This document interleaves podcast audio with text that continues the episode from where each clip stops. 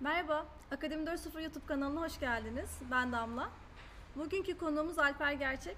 Alper Bey hoş geldiniz. Hoş buldum. Teşekkür ederim. Merhaba, nasılsınız öncelikle? Sizi tanıyalım.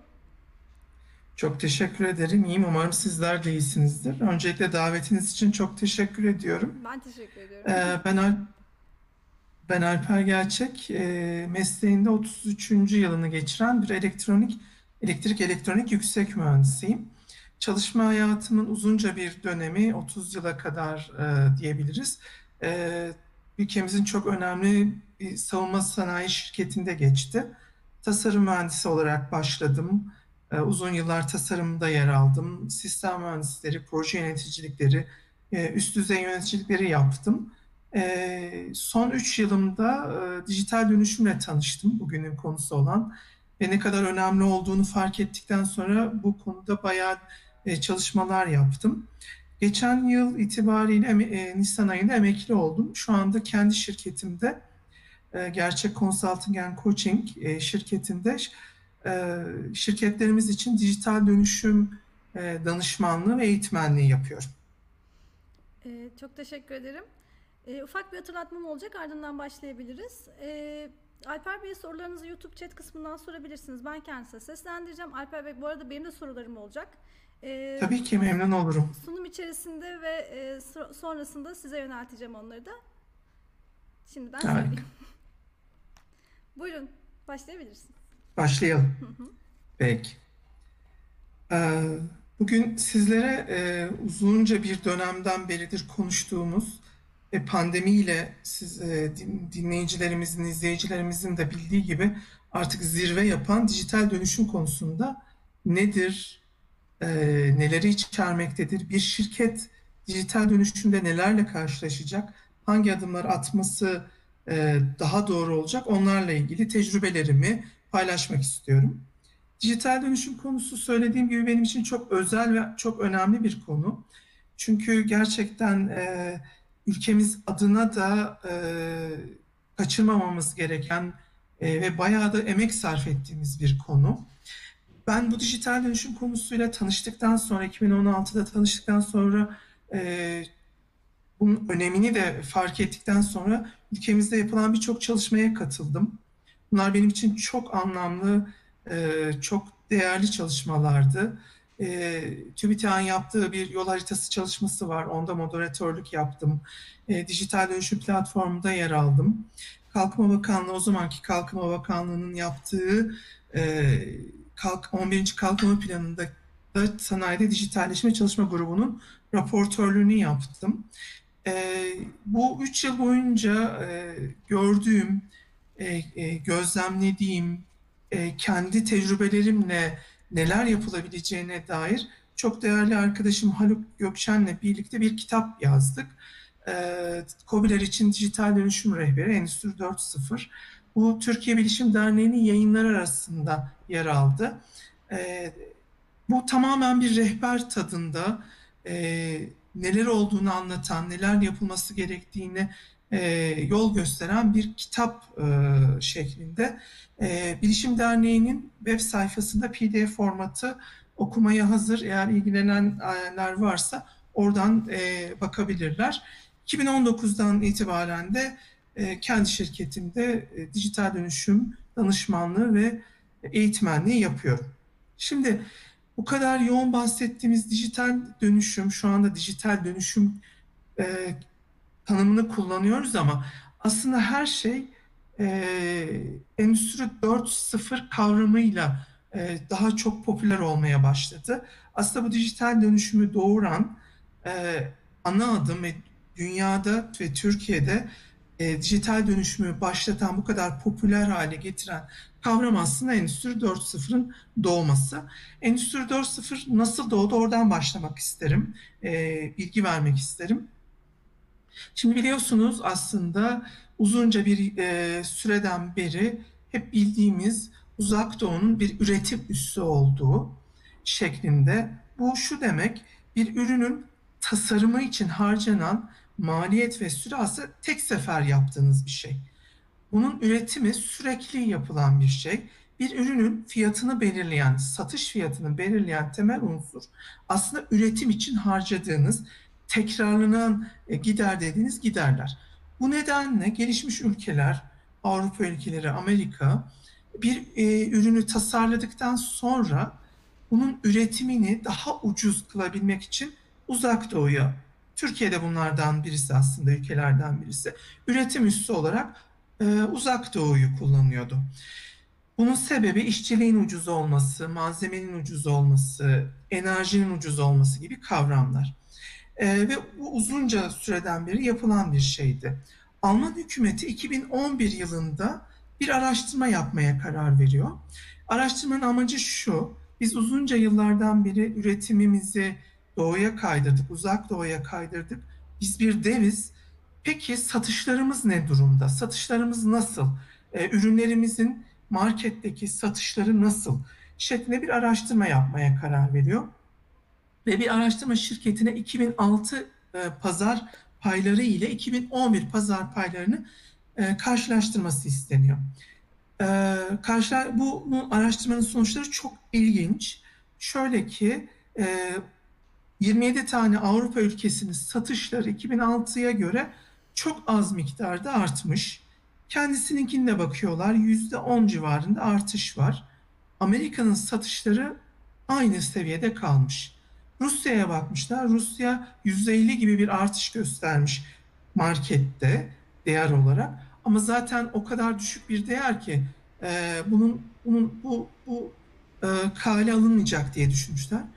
Ama fark etmişler ki Çin e, satışlarını 2006'daki satışlarını yüzde 380 gibi bir rakamla arttırmış. Bu, bu aslında şunu göstermiş onlara. Demişler ki biz üretim üssü olarak düşündüğümüz Çin yaptığı çalışmalarla, mühendislik çalışmalarıyla, tersine mühendislik çalışmalarıyla e, ekip yetiştirerek markette aslında bir dev olmaya doğru gidiyor e, bu gidişat kendi açısından oldukça alarm veren bir durum olmuş. Çünkü bu gidişi e, üretim üssü olarak kullandıkları Çin'i aslında ne kadar yanlış değerlendirdiklerini fark ederek e, bu gidişatı tekrar geriye çevirmek, gene markette bir e, marketin e, sahip olabilmek için projeler başlatmış. Nasıl tekrar ilerideki bu gidişatı tekrar düzeltiriz diye. İşte bu projelerden birinin ismi Endüstri 4.0. Ee, proje ismi aslında Endüstri 4.0 ve ilk olarak da 2010 yılında Hannover'de çok büyük bir fuar vardır. Ee, o fuarda dile getiriliyor bu kavram. Ve 2013'te de aslında ne yapacaklarına dair bir strateji belgesi yayınlıyorlar. O tarihten itibaren 2011'li tarihten itibaren bütün dünya Endüstri 4.0 kavramını çok sahiplenmiş bir vaziyette. Ee, herkes e, bu kavramı e, alıp kullanmak üzerine ve bundan etkileneceğini düşünmek üzerine. Endüstri 4.0 bu proje, bu kavram ne demek? E, şunu söylüyor aslında, bu bir ne bir teknoloji ismi, ne bir e, yeni bir yapı ismi. Aslında tamamen bir yaklaşım, bir kavram. Bu kavram şunu söylüyor. Bilgi ve iletişim teknolojilerinin geldiği son noktadaki dan yararlanarak fiziksel dünyayı yani üretimi, üretimde yapılanları, bir sanayi kuruluşunda yapılanları siber dünyanın e, yetenekleri ve gücüyle birleştirerek siber fiziksel sistemler dediğimiz yani fiziksel sistemlerin siber dünyayla, dijital dünyayla yönetilmesi anlamında kullanılan siber fiziksel sistemlerin kurulumuyla teknolojik bir geçiş yapmak ve sanayi olabildiğince sayısallaştırma ilkesine dayanan bir kavram aslında, bir yaklaşım. Almanya diyor ki eğer ben bir Endüstri 4.0 kavramını gerçek dünyaya taşırsam üretim yapan bir endüstri, endüstri kuruluşunda otomasyonu maksimum hale getirir, verimliliği arttırırım. Tüm birimleri birbirleriyle bütün halinde çalışır hale getiririm. Verilere gerçek zamanda ulaşırım. Bunları analiz ederek bilgiye dönüştürebilirim ve böylece daha doğru ve hızlı kararlar alabilirim diyor. Biliyorsunuz e, Almanya'nın e, e, insan gücü yaşlanmakta ve e, ücretler de çok yüksek olmakta. Bu nedenle aslında bütün bunları yaparsam, siber fiziksel sistemlere kavuşursam ürünlerimi kendi coğrafyamda, kendi ülkemde daha doğru, daha hızlı, daha kaliteli, rakiplerimden çok daha önce maliyet etkin bir şekilde müşteriye ulaştırırım. Böylece rekabet şansımı, e, kaybolan rekabet şansımı da tekrar ele geçiririm diyor. Endüstri 4.0 kavramı ve bu bu Endüstri 4.0 terimi aslında Almanya'ya kayıtlı bir e, terim. Dolayısıyla ülkeler aslında bunu kullanamıyorlar. Her e, ülke kendi kavramlarından bahsediyorlar. Endüstri 4.0 bu adında da olan 4.0 aslında yeni sanayi devrimi, dördüncü sanayi devrimi olarak adlandırılıyor. Ee, çok kısaca geçen devrimlere bakabiliriz. Aslında her devrim e, sanayide yani e, sanayi e, olarak baktığımız alanda bir devrim niteliğinde bir simge, bir atılım içeren bir şey. İlki aslında ilk devrim 1700'lerin sonunda İngiltere'de buhar gücünde verdiği bir motivasyonla buhar makinesinin keşfi ve bunun yarattığı bir e, ile sanayide ilk dokuma makinesinin yapılması. Ve böylece sanayi makine dediğimiz kavramla e, tanışıyor e, ilk devrimde. Daha öncesinde el yapımı e, e, araçlarla üretim yapılırken ilk defa makineyle üretim yapılıyor. Makineleşme başlıyor. Tabii bu üretimin daha hızlanmasını, daha kaliteli olmasını sağlıyor. İkinci devrim 1900'lerin başında Amerika'da Henry Ford'un yaptığı bir devrim. Elektrik motorlarının da keşfedilmesiyle birlikte e, Henry Ford şunu söylüyor, şu anda sanayide çok kullandığımız bir kavramdır. Aynı ürünü makinelerle çok güzel yapıyorum ama aynı nitelikte, aynı tarzda bir ürünü seri üretim hattı dediğimiz hattın kullanılmasıyla birlikte günün sonunda çok daha fazla üretebilme şansına sahip olmayı getiriyor. Seri üretim hattının kullanılma, kurulması aslında ikinci devrimi oluşturan bir yapı. Böylece aynı ürünün yani siyah e, renkte dört kapılı bir arabanın çok daha fazla üretilmesini sağlıyor seri üretim hattı. Böylece e, üretim kalitesi, üretim sayısı çok daha fazla olmaya çalış e, olma yoluna doğru gidiyor. Üçüncü devrim daha yakınlarda yaşanan bir devrim. 54'lerde başlıyor ama 70'lere kadar e, uzuyor.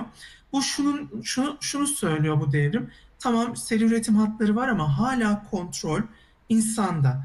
Ben yavaş yavaş insandan kontrolü alırsam e, küçük bilgisayarlar dediğimiz yapıdaki birimlere verirsem bunlar üretim hatlarını kontrol ederse insanın o yaptığı hatalardan, gözden kaçırdığı hatalardan uzaklaşırım. 7-24 saat, 7 gün 24 saat aynı kalitede kontrol edebilirim hatları diyor ve bu aslında bizi otomasyonla tanıştırıyor. Üçüncü devrimde simgesi otomasyon.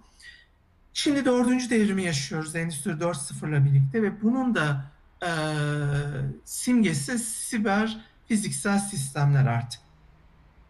E, bahsettiğim gibi ülkeler Endüstri 4.0 kavramını kullanmıyorlar Almanya'ya ait olduğu için. Her ülke kendi kavramının peşine koşmaya başlamış e, o tarihten itibaren. Bu slaytta aslında e, ülkelerin kullandıklarını görüyorsunuz. Avrupa ülkeleri daha çok e, akıllı üretim üzerine odaklanmış. Çin'de kendisine yapılmış olmasına rağmen Çin'de karşı atağa geçmiş. Onun da bir yaklaşımı var. O da kendini Made in China 2025 olarak adlandırıyor. Bütün bunlar aslında akıllı üretim üzerine. Yani üretimin akıllanması, üretimde dijital dönüşüm üzerine odaklanmış bir vaziyette. Amerika ve Japonya'da da kavramlar var. Amerika Industrial Internet e, olarak söylüyor. Japonya toplum 5.0 olarak söylüyor. Bunlar çok daha farklı e, dijital dönüşümler. Biz aslında baktığımızda Endüstri 4.0 ile tanıştığımız 2016'dan itibaren biz sanayide dijital dönüşüm olarak adlandırdık. Akıllı üretim kısmını. Yani üretimin, üretim yapan fabrikaların akıllanması sanayide dijital dönüşüm olarak Türkiye'de adlandırılıyor. Ee, bir sorum olabilir mi size? Bu konuyla Lütfen ilgili. buyurun. Ee, şimdi her ülke kendi terimini ortaya atmış. Ee, buradaki rekabetin fazlalığından mı dolayı mı? Yani her ülke kendine özgü e, bir şeyler yapmak istediğinden dolayı mı bu böyle? Ee, çok haklısınız. Aslında Almanya'da başlayan bu e, yaklaşım aslında bütün ülkelerin e, re bir tehdit olarak e, hepsine e, tehdit olarak olduğu ortaya çıkıyor. Yani aslında Almanya'ya, Almanya'nın fark ettiği bu uzak doğunun bir güç olması benzer şekilde bütün ülkeler için geçerli.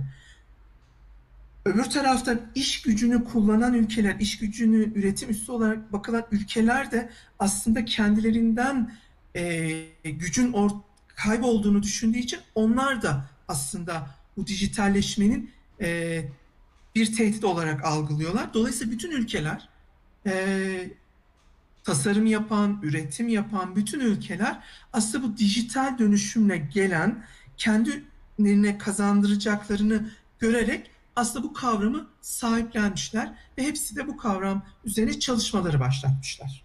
Anladım. Teşekkür ediyorum. Rica ederim ne demek. Ee, Türkiye açısından baktığınızda da bizim de e, rekabet gücümüzü yitirmememiz adına dijital dönüşümü yapmak bir e, gerek olarak görülmüş ve e, bu anlamda çalışmalar başlatılmış vaziyette. Şimdi dijital dönüşüm neden bu kadar popülerleşmeye başladığını görürsen, sorarsanız e, şu sebeplerden dolayı olduğunu söylemek isterim. Şimdi aslında bu bilgi ve iletişim teknolojileri gitgide güçlendi aslında. Bu erişilebilirliği çok daha rahat hale geldi.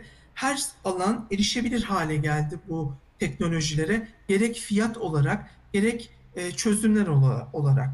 E, teknoloji sağlayıcıları her alanda çözümler üretmeye başladılar. Sadece bir alanda değil birçok alanda e, çözüm üretmeye başladılar. Yani sadece üretimde e, bir dijit e, veri toplamak, veri toplamak için gerekli teknolojiler, çözümler değil, bunu, bunu daha farklı alanlarda da çözümler sunmaya başladı.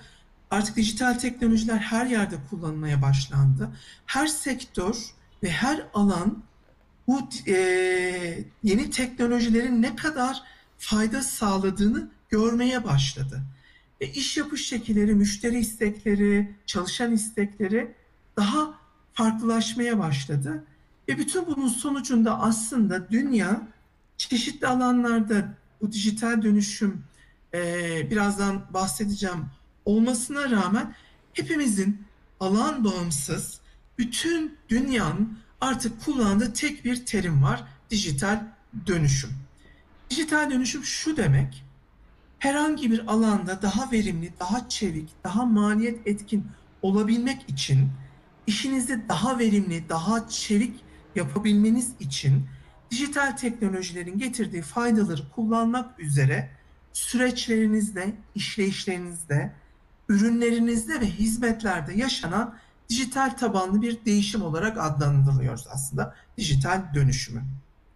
Ee, bahsettiğim gibi her alanda dijital dönüşüm var. Örnekler neler, neler diye sorarsanız dünyadaki dijital dönüşümdeki en önemli, Türkiye'de dahil olmak üzere en önemli alan akıllı şehirler. Şehirlerimiz artık akıllanıyor ve dijital dönüşüm içerisinde. Çünkü yakın gelecekte 30 yılda dünya nüfusunun %80'i şehir olarak adlandıracağımız e, yapılar içerisinde yaşamaya başlayacaklar. E, akıllı şehirler şunu söylüyor. Şehirde yaşayan herkesin yaşam kalitesini daha iyi hale getirebilmek için dijital teknolojilerin e, ile birlikte çözümler sunmak aslında. E, akıllı yollar, akıllı binalar, akıllı ev aletleri, akıllı e, arabalar, sürücüsüz arabalar, akıllı duraklar gibi birçok aslında çözümü barındıran bir e, yapı akıllı şehirler. Amacı tamamen bizlerin çok daha kaliteli, çok daha e, rahat yaşayabilmemize e, sağlayacak çözümleri sunmak aslında. Bunu sunarken de dijital teknolojilerden yararlanmak. Şehrin gördüğünüz gibi yönetim süreci de değişiyor aslında baktığımızda. Şehirde kullandığımız ürünler de değişiyor. Tarım 4.0, akıllı tarım bir başka alan. Tarımda akıllı teknolojileri, dijital teknolojileri kullanarak kaynakların daha verimli olması, rekoltenin daha yükselmesi, dronlarla bakılması, e, daha dijital teknolojilerle veriler alarak sulamanın yapılması gibi, ilaçlamanın yapılması gibi düşünebilirsiniz.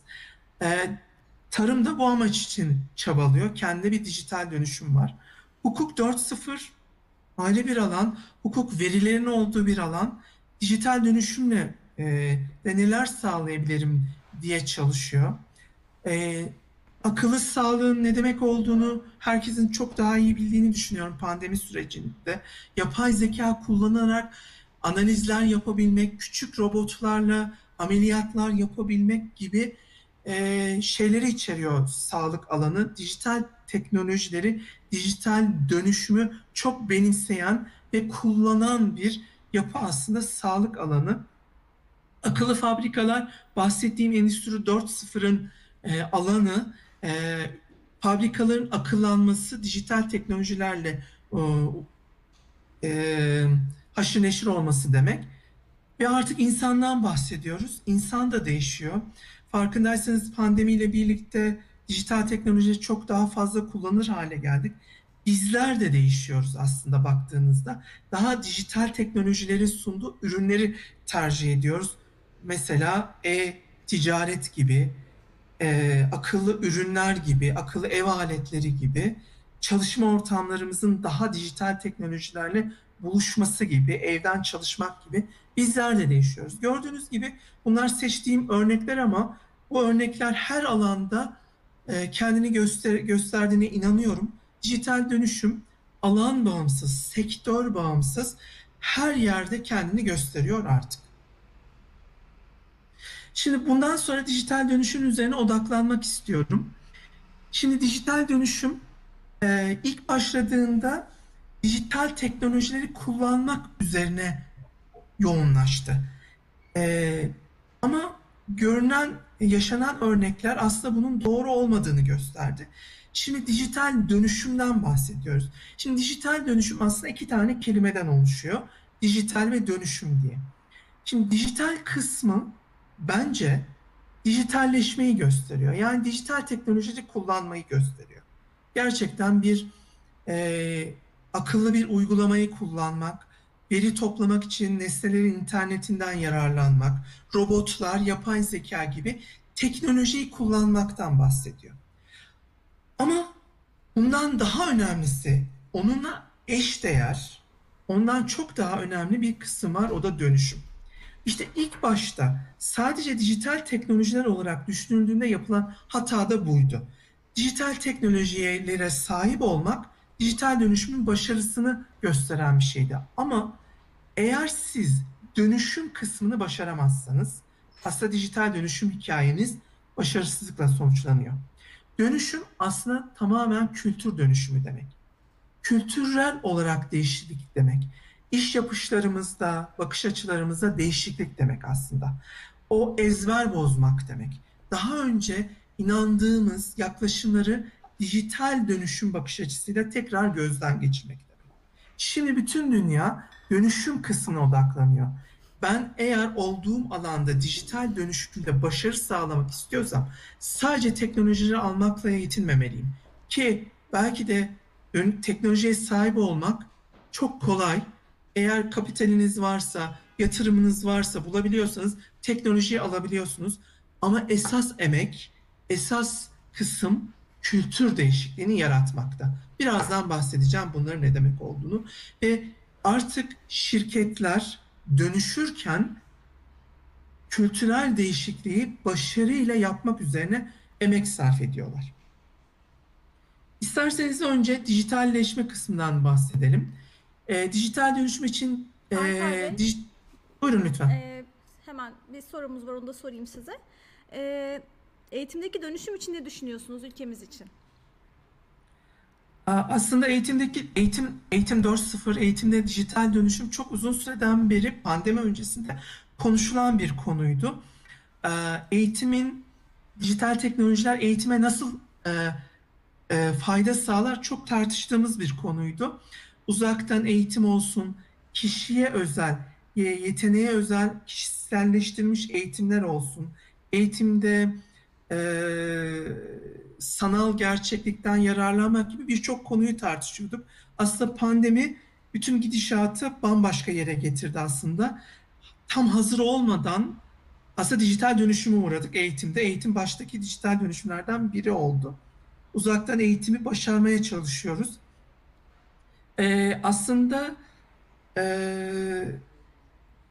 e, bazı alanlarda çok başarılıyız. Bazı alanlarda da aslında yeterli altyapımızın olmadığını ortaya çıkarttı aslında. Her yerde e, altyapının sağlanmaması, dijital altyapının, internet ortamının sağlanmaması e, ya da bağlanılacak e, laptop ya da bilgisayar ortamlarının olmaması aslında birçok konuyu ortaya çıkarttı. Ben e, bu dijital dönüşümü, eğitimde dijital dönüşümü beklediğimizden çok daha hızlı bir şekilde yapmak zorunda kaldığımızı, çok emek sarf ettiğimizi, başarılı adımlar attığımızı ama atacak birçok adım daha olduğunu görüyorum. Teşekkür ediyorum. E, iş hayatına daha hızlı tabii adapte olduk. İş hayatına mecburen daha adapte evet. olduk. Şundan dolayı fark ettiyseniz üretimin, üretim yapmanın e, ne kadar önemli olduğunu e, keşfettik. Çünkü üretim durunca ülkeler e, durdular. E, tedarik zinciri akışı durdu. Üretimi sağlayacak akış durdu. Şimdi eğer dijital ortamda devam edebilme şansına sahip olsaydık devam ettirecektik.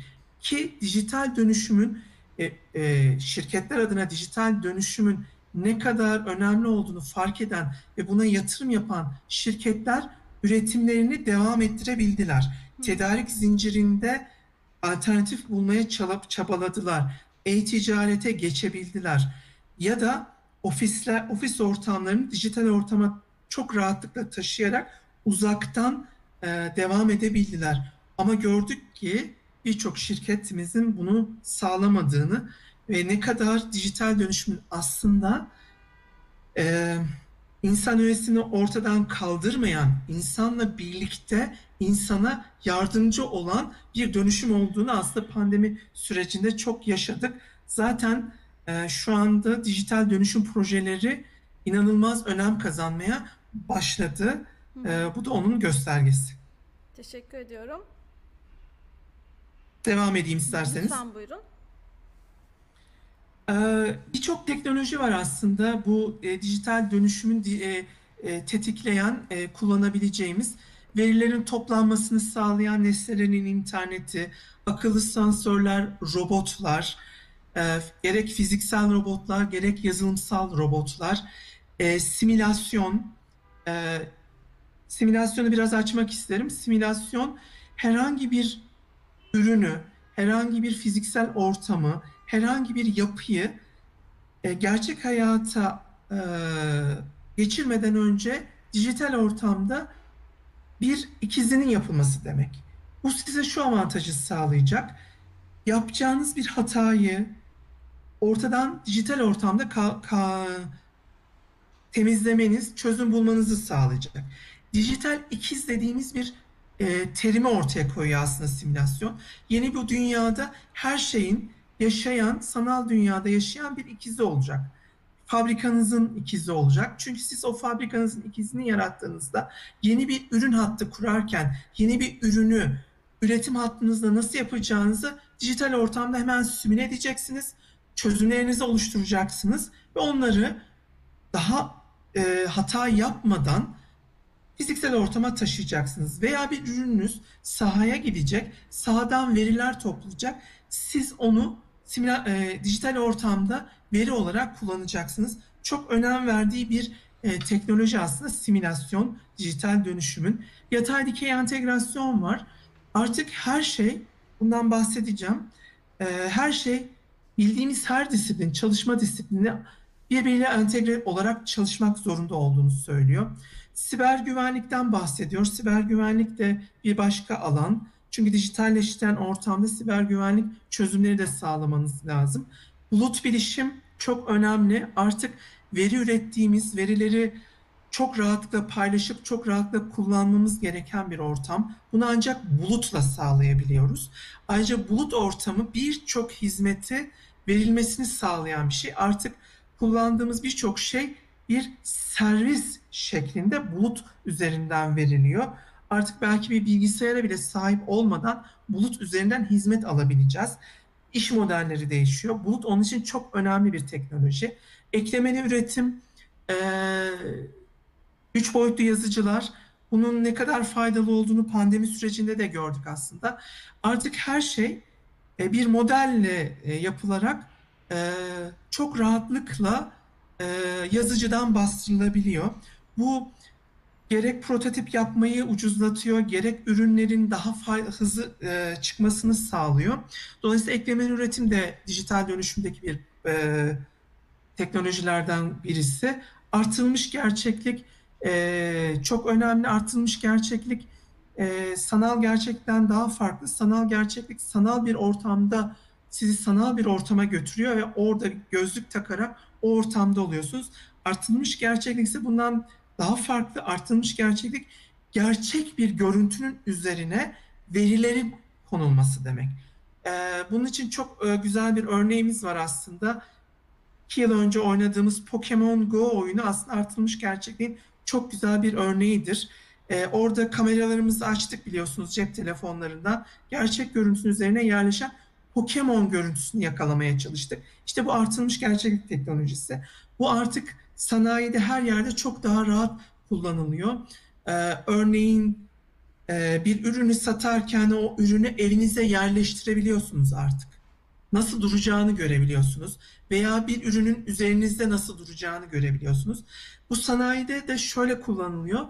Bir e, eğitim, yeni eğitim verdiğiniz bir teknisyeninize ya da bir mühendisinize dokümanları okumadan sizin adım adım ilerlemesini sağlayabilir yapıya getirebiliyorsunuz. Artırılmış gerçekten gerçeklik gerçekten çok fazla yetenek kazandırıyor. Bunların yanında e, daha yardımcı teknolojiler de var. Bunlar e, mobil cihaz teknolojileri artık çok kullanılıyor. Blok zincir çok önemli bir teknoloji. Akıllı şartnameler, akıllı transferler yapılıyor. Haberleşme teknolojileri keza öyle. Yapay zeka her yerde. E, bunun yanı sıra proje yönetimi daha öne çıkıyor.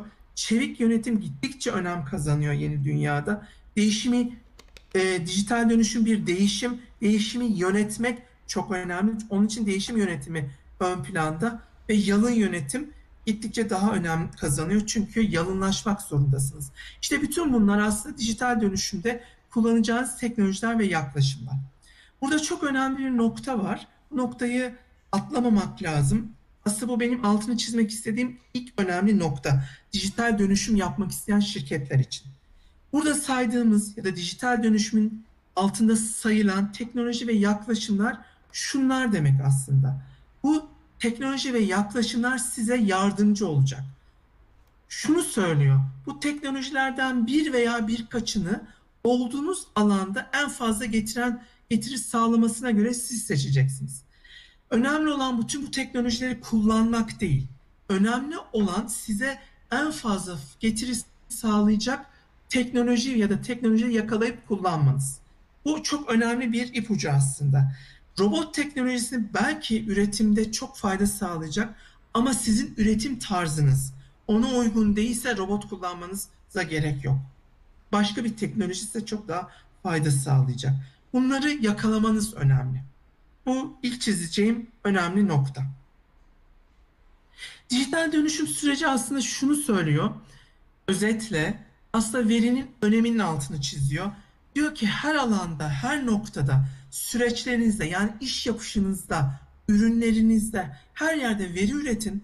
Bu verileri toplayın, verileri paylaşın, analiz edin ve bir karar verin ve bunun sonucu bir değer yaratın. Bu bir sürecinizi iyileştirme olabilir, ürününüzü iyileştirme olabilir, yeni bir ürün yaratmak olabilir. Önemli olan bu teknolojileri bu yapıda kullanmak diyor. Şunu söylüyor, yeni dünya veridir her şey aslında diyor. Veri şu demek aslında, veri herhangi bir noktada, herhangi bir yapıda bir bilgidir aslında. Bu bir e, makinenin çalışmasıdır, bu bir tarlanın e, nem oranıdır, ürününüzün kullanıcı tarafından nasıl kullandığına dair bir e, bilgidir veya bir e, yeni ürün için kullanıcıların davranış analizleridir. Her şeydir aslında veri. Ya da çalışanlarınızın nasıl çalıştığıdır. Her yerden veri toplayabilirsiniz artık. Artık akıllı sensörler yapılarıyla her şekilde veri toplamanız mümkün. Önemli olan sizin veriye inanmanız ve veri üretip veri toplamaya yaklaşmanız demek. Yeni dünya şunu söylüyor. İş yapışlarınızda biz artık e, sanayide ya da her yerde aslında çeşitli araçlar kullanıyoruz. İşlerimizi daha iyi yapabilmek için. Kaynak e, kurumsal kaynak programlarımız var, ERP'lerimiz var, müşteriyle ilişkilerini yapan CRM'lerimiz var, e, meslerimiz var, üretimi yapan e, birçok aslında işlerimizi daha iyi yapabilmek için araçlar kullanıyoruz. Bunların içerisinde Excel ve Word'ü de dahil ediyorum ben. Onlar da aslında birer araç. Ama bunlar şu anki yapıda birbirlerinden bağımsız çalışıyorlar. Ürettikleri her biri bir veri üretiyor. Veri topluyor. Aslında hepsine veriler var. Oldukları alanlarla ilgili veriler var. Ve bunların da bir hepsinin birlikte kalite çemberleri var. Bunların e, neler yapıldığına dair daha iyi yönetilmesine ait yaklaşımlar da var. Hepimiz işimizde olduğumuz alandaki işi daha iyi yapmak için bu araçları kullanıyoruz. Şimdi dijital dönüşüm şunu söylüyor gelecekte. Siz bunların hepsini entegre edin dijital ortamda. Bunlar online çalışsınlar, çevrim içi çalışsınlar. Eğer çevrim içi çalışırlarsa verileri birbirleriyle paylaşabilirler. Veriler birbirler için değerli hale gelir ve karar vericiler e, çok daha hızlı karar verebilirler. Çok daha iyi karar vermek üzerine yapabilirler. Şu an bir şirkete gitseniz, bir fabrikaya gitseniz deseniz ki ben her yeri görmek istiyorum. Her noktada bir karar vereceksiniz. Bana raporlar getirin dediğinizde o raporların hazırlanması 3 ya da 5 gün içerisinde olur. Ee, düşünebiliyor musunuz? Bir karar vereceksiniz. Hızlı çalışan bir yerde karar vereceksiniz. 5 gün sonra karar veriyorsunuz eskimiş verilerle. Yeni dünya şunu söylüyor. Artık bu bir e, zafiyet diyor. Böyle bir şey şansınız yok diyor. Bütün kullandığınız araçlar entegre çalışmak zorunda. Birbirleriyle veri paylaşmak zorunda. Tek bir tuşla rapor alma dünyasına doğru gitmek zorundasınız diyor. Ve buna uygun hale getirmeniz diyor. İşte görmüş olduğunuz, gelecekte görmüş olduğunuz birbirleriyle entegre çalışan dijital araçlar, daha akıllı araçlar, e, kendi kendine karar verebilen ya da karar vericilere karar vermesini için daha rahatlayan, veri analizleri yapan, daha büyük resmi görebilen, entegre çalışabilen araçlar yapısı resmini oluşturma üzerine giden bir dünya içerisinde bulunuyoruz. Bunlar dijitalleşme, dijital kısmı ile ilgili anlatmak istediklerimdi. İkincisinden de bahsetmiştim. Değişim kısmından, dönüşüm kısmından, kültür değişikliğinden, ezber bozmamız gerektiğinden, şu ana kadar yaptığımız, kullandığımız iş bakış, işe bakış açılarımızı değiştirmemiz gerektiğinden, dijital dönüşümün başarısı için bunlardan bahsetmek isterim. Dijital dönüşüm kültüründen bahsetmek isterim. İlk bahsetmek istediğim nokta aslında müşteri deneyimi bazı iş modeline geçmek. Şimdi e, şu çok e, eskiden çok yapılan bir şeydi. Değeri o değeri yaratan şirket oluştururdu. Yani siz yeni bir yapı oluştururdunuz, bir yeni bir ürün çıkartırdınız ve bunu piyasaya verirdiniz. Müşteriniz de sizin ürettiğiniz değeri alır kullanırdı. Çünkü değer üreten sizdiniz.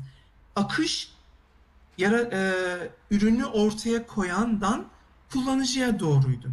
Ama yeni dünyada bu doğru değil artık.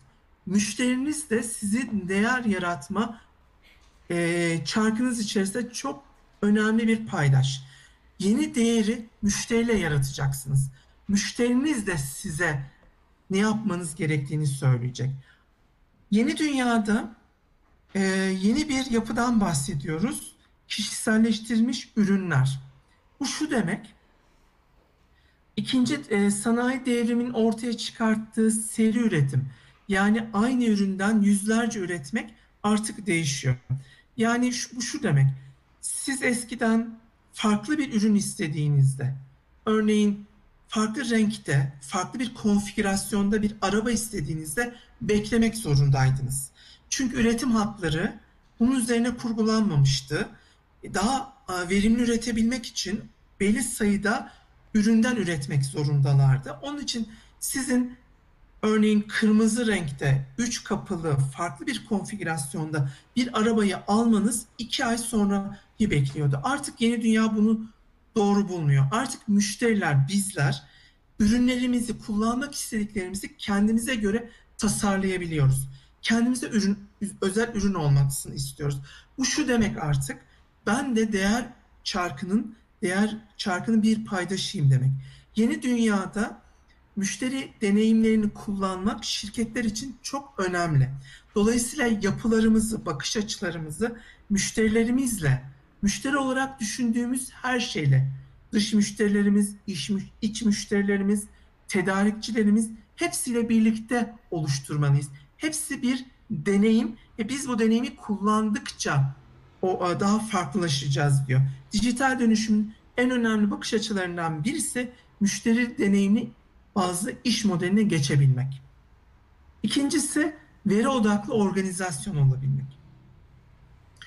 E, verinin bir değer olduğunu, verinin bir şeyler söylediğini fark edebilmek, bundan sonra veri üretebilmek, verileri toplayıp değerlendirebilmek ve verilerin söyledikleriyle karar verebilmek üzerine kurulu aslında artık yeni dünya.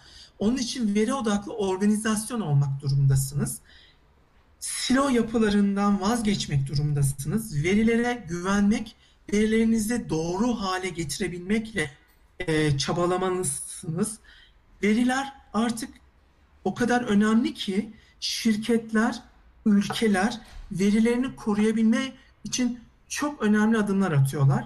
Çünkü veriler yeni şeyler söylüyor. Veriler nerede ne olabileceğini söylüyor, nerede hata yapıldığını söylüyor, nelerin daha iyi olması gerektiğini söylüyor veriler. Onun için veri odaklı organizasyon olmayı, kültürünüzü bu şekilde değiştirmek zorundasınız. Bir diğeri yalın ve bütünleşik süreçler. Süreçler her şirkette, her alanda işlerimizi daha yapabilmemiz için kurallara bağlıyız. Her alan kendi süreçlerini tanımlıyor. Süreç odaklı çalışıyoruz süreçlerimizin nasıl olduğunu ortaya koyuyoruz ve bu süreçlerimizi de birbirleriyle e, birlikte bir bütün halinde çalıştırmaya gayret ediyoruz. Yeni dünya şunu söylüyor. Bu süreçler yalınlaşmalı. Süreçleriniz daha çevik olmalı. Ve bu süreçler bütünleşik yapılara doğru gitmeli. Ne yazık ki baktığınızda silolaşmış yapılara sahipsiniz. Yani bir, her alan kendi sürecini korumaya doğru yönelen bir yapıda paylaşmamaya dönen bir yapıda.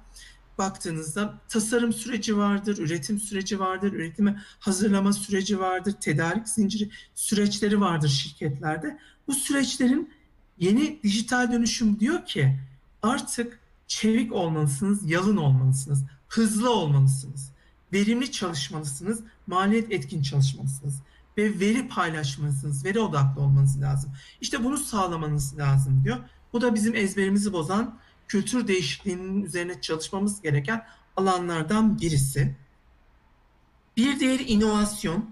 İnovasyon yenilikçi bakış açısı demektir. Yeni bir şey yaratmak demektir. Buluş demek değildir. Yeni bir şeyi sıfırdan yaratmak değildir. Olan herhangi bir şeyde size katma değer sağlayacak bir yeni bir ilave bir şey yapabilmeniz demektir. İnovasyon. Bir süreçte bir iyileştirme önerisi demektir. Üründe bir yeni bir bakış açısı demektir. Eğer üründe yaratacağınız yeni bir dokunuş, çok küçük bir dokunuş size müşterinizde müşteri memnuniyeti sağlayacaksa, yeni müşteriler sağlayacaksa çok önemli bir atılım demektir inovasyon. Ee, dolayısıyla dijital dönüşümün itici gücüdür inovasyon. Yenilikçi bakış açısı çok önemli bir itici güçtür dijital dönüşümde. Bu nedenle inovasyonun, inovasyon kültürü dijital dönüşümde çok önemlidir. Dolayısıyla firmalar e, inovasyon kültürünü yeşertmek için çaba sarf etmek zorundadır diyor dijital dönüşüm. İnovasyon, burada altını çizmek isterim. İnovasyon sizin kendi çalışanlarınızdan çok önemli inovatif düşünceler gelebileceğini unutmamak lazım. Çünkü o süreçlerde, o ürünlerde kendi çalışanlarınız yer alıyor. Dolayısıyla inovasyon için kendi çalışanlarınız çok önemli bir kaynak. Müşterileriniz çok önemli bir kaynak. İç ve dış paydaşlarınız çok önemli paydaş e, kaynak. Onun için inovasyon kültürü dijital dönüşümde çok önemli bir adım. Onun için kültür değişikliğinizi inovasyon üzerine kurun diyor. E, son üzerinin altını çizmek istediğim kültür değişikliği teknoloji okul yazarlığı. Teknoloji okul yazarlığı şu demek, yeni çıkan bir teknolojiyi, duyduğunuz yeni bir teknolojiyi anlamak demek aslında. Eskiden bakış açımız şöyleydi. Ee, teknoloji aslında bir yerdedir. Genelde mühendislerin tekelindedir. Ee, bir şey çıkar, kullanılır, alır kullanılır. Ve o mühendisler kullanır demek. Teknoloji okur yazarlı bundan bambaşka bir şey. Artık yeni bir duyduğunuz bir teknolojiyi kendi işinizde, kendi alanınızda ne olursanız olun nasıl kullanırım, nasıl fayda sağlarım bakış açısını yakalayabilmek demek teknoloji okulu yazarlığı. Artık yapay zekanın ne olduğunu bilen, yapay zekada nasıl kullanıldığını bilen, yapay zekanın yeteneklerinin neler olduğunu bilen doktorlarımız var. Avukatlarımız var. Bunlar yapay zekayı kendi iç, iş kendi işlerinde daha nasıl kullanabilirim? Kendi işimde işimi daha iyi nasıl yapabilirim? Onların sayesinde buradan nasıl fayda sağlayabilirim diye düşünen o teknolojinin teknolojide bir ürün yaratmayan, ürün ortaya çıkartmayan ama oradaki ürünleri, oradaki yapıyı kendi işi için kullanabilen kişilerden bahsediyoruz. Bunu her yerde yapabilirsiniz. Bir finansçı olabilirsiniz, bir e, bankacı olabilirsiniz. Teknolojiyi görebilmeniz lazım ve teknolojiyi alıp nasıl kullanırım diye yapmanız lazım. Teknoloji okuryazarlığı bu. Karar vericilerin teknolojiyi bilmek zorunda artık karar vericiler. Bir şirketi yönetiyorsanız yeni teknolojiyi bilmek zorundasınız. Çünkü size fayda sağlayacak neler var onu bilmek zorundasınız. Teknoloji okur yazarlığı, teknoloji dijital dönüşümde çok önemli bir unsur. Çünkü dijital dönüşüm bahsedeceğim bir süreç, bitmeyen bir süreç. Teknoloji her zaman değişen, yeni teknolojilerin geldiği bir alan. Dolayısıyla yeniliklerin olduğu bir alan. Sizin de teknoloji okul yazarlarınızı arttırmanız gerekiyor. Bu da önemli bir kültür değişikliği demek. Ee, bundan sonra aslında şunun altını çizmek istiyorum. Şimdi dijital dönüşüm e, çok tepki alan bir alan. E, işleriniz iyiyse, işleriniz, müşteri portföyünüz iyiyse, e, dijital dönüşümü kabul etmiyorsunuz aslında. Dijital dönüşüme ne gerek var diyorsunuz. Bu çok e, tartışılan bir konu. E, ben seri üretim yapmıyorum. Neden dijital dönüşüme ihtiyacım olsun? E, ben zaten işlerim iyi. Neden bir ben teknoloji firması değilim ki dijital dönüşümle neden uğraşayım? Dijital dönüşüm e, Al Almanya'nın yarattığı bir şey.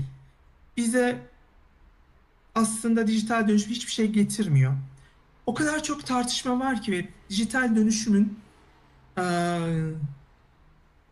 e, getirdiklerini göremeyip dijital dönüşümün aslında e, kendi işimiz için neler sağladığını fark etmeyip reddetmek üzerine. Ben bir dijital dönüşümle uğraşan e, bir kişi olarak şunu söylüyorum. Dijital dönüşümü alanınız ne olursa olsun anlamak ve kabul etmek zorundasınız. Çünkü akıllı cihazların girmesiyle birlikte yaşantımız çok değişti. Farkındaysanız artık herkes dijital dünyada yaşıyor. Dijital dünyada bir müşteri olarak da istiyoruz, bir çalışan olarak da istiyoruz. İşlerimizin daha kolay yapmak istiyoruz. Daha farklı yapmak istiyoruz. Dolayısıyla akıllı cihazların gelmesi aslında yaşam tarzımızı değiştirdi. Buna bakarsanız müşteriniz aslında müşterinizin ihtiyaçları, gereksinimleri çok değişiyor. Çalışanlarınızın gereksinimleri çok değişiyor. Çalışanlarınız artık zor şartlarda, zor arayüzleri olan e, ya da rutin işleri yapmak istemeyecekler. Özellikle Z kuşağıyla birlikte çalışanlarımız Z kuşağı olmaya başladığından itibaren aslında daha kolay, daha işlevsel, monoton işleri dijital araçların yaptığı talepte bulunacaklar. Dolayısıyla dijital dönüşüm bu anlamda sizin için bir mecburiyet. Müşterilerinizle iletişime geçebilmek için, e, çalışanlarınızdan verim alabilmek için, özellikle Z kuşağı, Y kuşağı da buna dahil ama Z kuşağı ile patlama yapan artık e, dijital teknolojilerin, dijital araçların daha fazla talepte bulunduğu verim alabilmeniz için e, sizin dijital dönüşümü kabul etmeniz lazım. Müşteri davranışları değişiyor, müşteri deneyimi önem kazanıyor. Artık kişisel ürünlerden bahsediyoruz. Artık sıradan bir ürünü almak için değil, kendime ait ürün almak istiyorum. Bir ürünü bir e, şirketin web sayfasına girerek bana özel kılmak istiyorum. Ben aynı özelliklere sahip standart bir ürün almaktan kullanamayacağım özelliklere sahip bir ürün almaktansa kendime ait bir ürün almak istiyorum. Ve bunu da çok kolay bir arayüzden çok kolay bir şekilde çok hızlı da almak istiyorum artık. Eğer siz böyle bir ürün yapmıyorsanız, böyle bir arayüzünüz yoksa, böyle bir yapıda çalışmıyorsanız inan olun artık internet gibi global olan bir dünyada bambaşka bir şirket, bambaşka bir yer sizin için böyle bir ürünü verebilecek. Dolayısıyla sizin artık bu değişimi görmeniz ve kabullenmeniz gerekiyor. Firmanın firmanın işleyiş politikaları değişiyor artık. Çünkü daha hızlı çalışmak durumundasınız. Artık siz bir e, alt yüklenici olabilirsiniz. Siz bir e, ürün sahibi olabilirsiniz.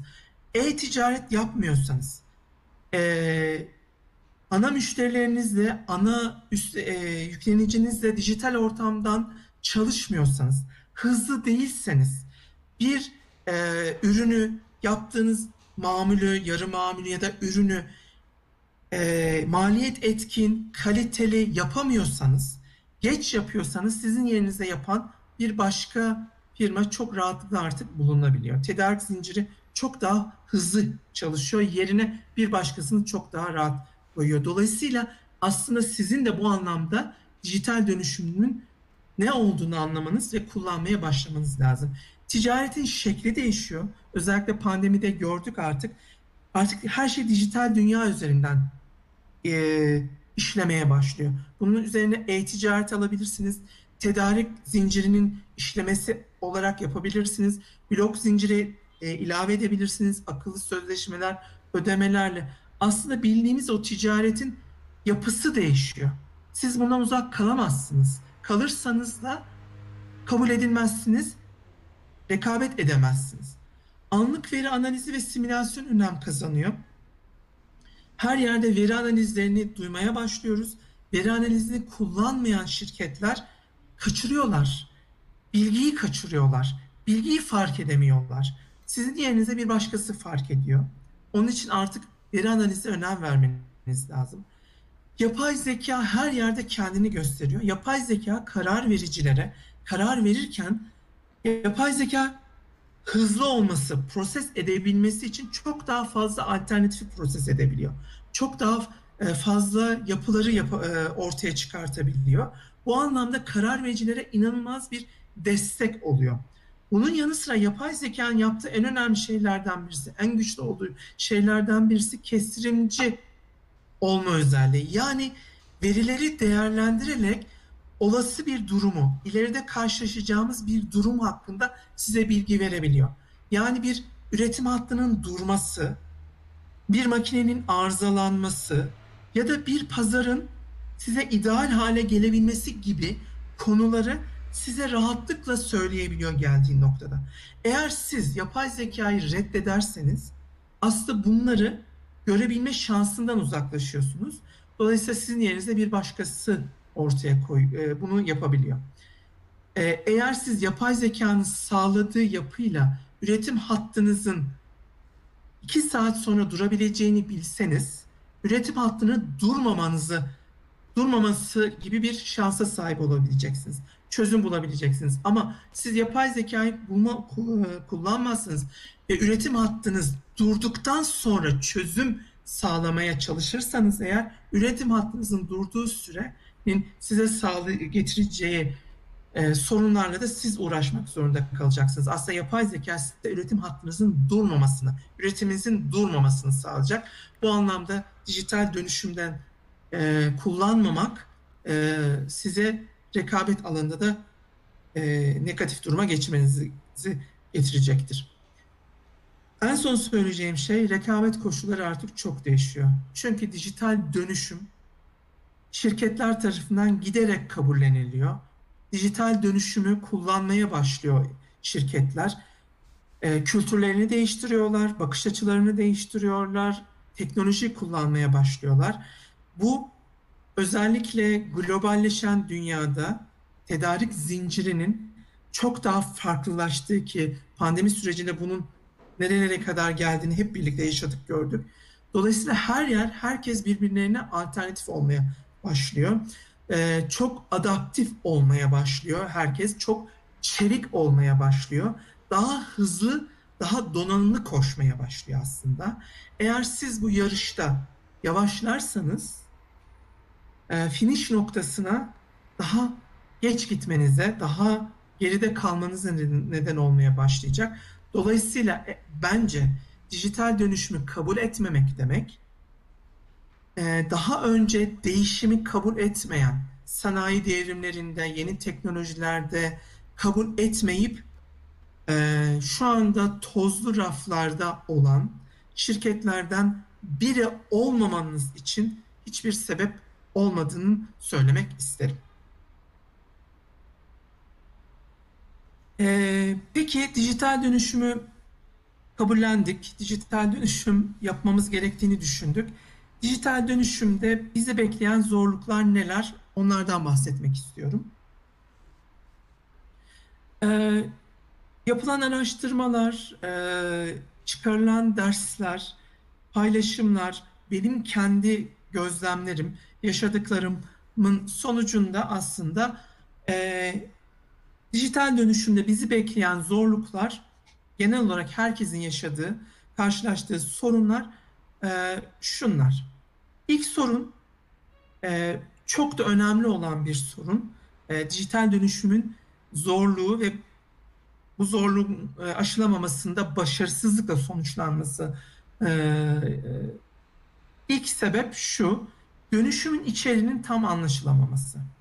Bu dijital dönüşüm nedir? Neler vardır? Neler neler getirir? Benim şirketimde nasıl olması gerekir? Ee, bilgiyi, doğru bilgiyi, doğru e, bilgiye ulaşamamak ve doğru bilginin oluşmaması en önemli sorun. Dönüşümün içeriğini anlamamak, e, dönüşümün de gidişatındaki o hikayenin yazılmasının yazılamamasındaki en önemli sebep. Önem e, dijital dönüşümün ne olduğu tam olarak anlaşılamadığı durumlarda oluşturacağınız projeler, atacağınız adımlar yanlış tarafa gitmenize neden olacak. Bu çok karşılaşılan bir zorluk. Dijital dönüşümün içeriğinin tam anlaşılamaması. İkincisi firmada sponsor eksikliği. Ee, dijital dönüşüm uzun soluklu ve uzun soluklu ve e, çeşitli adımlar içeren bir yapı. e, zaman zaman bu adımlar zorluklarla karşılaşacak, başarısızlıklar olacak. E, dolayısıyla aslında sizi destekleyen, firmada sizi destekleyen birine ihtiyacınız olması lazım. Yaptığınız çalışmaların sürekli olduğunu, sürekli olmasını sağlayacak, size destek verecek bir sponsorun olması gerekiyor. Ve bu sponsor e, yapılan çalışmalar e, gösteriyor ki sponsorunuzun özellikle üst yönetimden olması gerekiyor. Yönetim kurulunuzun, genel müdürünüzün sizi desteklemesi gerekiyor sponsor olarak. Ee, Burada bir üst... şey sorabilir miyim size? Buyurun lütfen. Ee, şirketlerde bir sponsor olmalı. Buradaki rol, e, sponsorun üstlendiği rolü kısaca bahsettiğiniz sanırım az önce de. Tam olarak nedir yani desteklemek dışında? Tabii ki. Şimdi sponsor kelimesini kullandığımız zaman ilk aklımıza gelen Damla Hanım. Maddi olarak ma- geliyor değil mi? Maddi olarak evet. evet. Buradaki sponsor aslında bundan çok daha farklı. Hı hı. Sponsor şu, şu demek. Sizin dijital dönüşüm aslında çok büyük bir ana proje. Altında birçok projeler olacak. Birazdan bahsedeceğim. E, dolayısıyla aslında büyük bir resim ve uzun soluklu bir proje. Hı. Bu projeye, bu projenin adımlarının atılması, firmada desteklenmesi, gerek maddi gerek manevi olarak desteklenmesi, çalışanlara karşı savunulması, hata yaptığınız zaman arkanızda durulması, yeni bir teknoloji geldiğinde onun alınması. Dolayısıyla aslında projenin yöneticisi demek sponsor. Sizi sonuna kadar desteklenmesi demek. Yaptıklarınızın arkasında duran kişi demek sponsor aslında. Mentorluk gibi. Doğru mu anladım? Mentörlük gibi evet. Projenin sahibi aslında, ana Anladım. sahibi ve sizi e, her zaman destekleyen kişi demek aslında. Teşekkür ederim. Ee, onun için üst yönetimden olması daha önemli bu sponsorun. Çünkü e, dijital dönü başarılı dijital dönüşüm projelerine bakıldığında e, a, alttan yukarıya doğru bir e, karar mekanizması değil, yukarıdan aşağıya doğru verilen karar mekanizmalarının başarılı olduğunu göster göstermiş. Yani bu şu demek, e, sponsorunuzun üst yönetim olması lazım. Sponsorunuz üst yönetim, evet dijital dönüşüm bizim şirketimizde yapılması gerekiyor ve biz sonuna kadar destek oluyoruz denildiği dijital dönüşüm projeleri başarılı olmuş. Onun için sponsor çok önemli. Teşekkür ediyorum. Rica ederim.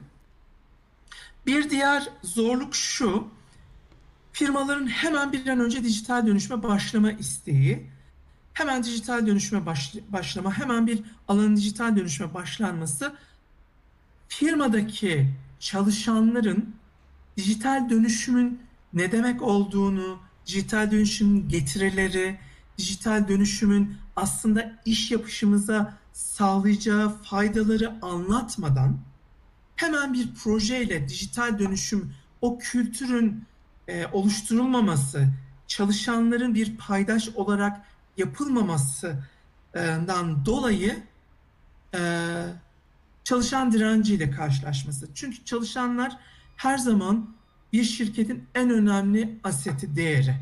Dolayısıyla çalışanlar olmadan dijital dönüşüm hiçbir zaman başarıya ulaşamıyor. Ee, dolayısıyla eğer çalışanlar dönüşümü gelen yeni teknolojiyi, dönüşüm projesini reddederlerse dijital dönüşüm başarısızlıkla sonuçlanıyor. Dolayısıyla çalışanların hazırlanmadan hemen dijital dönüşme geçilmesi en önemli zorluklardan birisi. Ee, bir diğeri şu, dijital dönüşüm birazdan bahsedeceğim. Aslında e, bir e, şirket e, sadece teknoloji olarak baktığınızda ve bu da zaten bir dijital teknoloji olduğunda genelde şirketlerde IT ekiplerinin e, yürütmesi gereken bir proje olarak düşünülüyor. As ve e, aslında bu öyle bir e, a, dijital dönüşüm şirketin her noktasına etkiyen bir şey.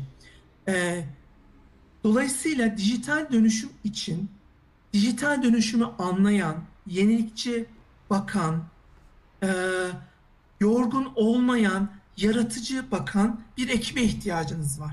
Bu ekip e, çok önemli bir ekip. Çünkü e, dijital dönüşümün şirkette ne tip projeler olabileceği, şirketi nelere götürebileceği, yeni teknolojiye bakan, dinamik e, fikirler üreten bir ekibin yönetmesi lazım dijital dönüşümü.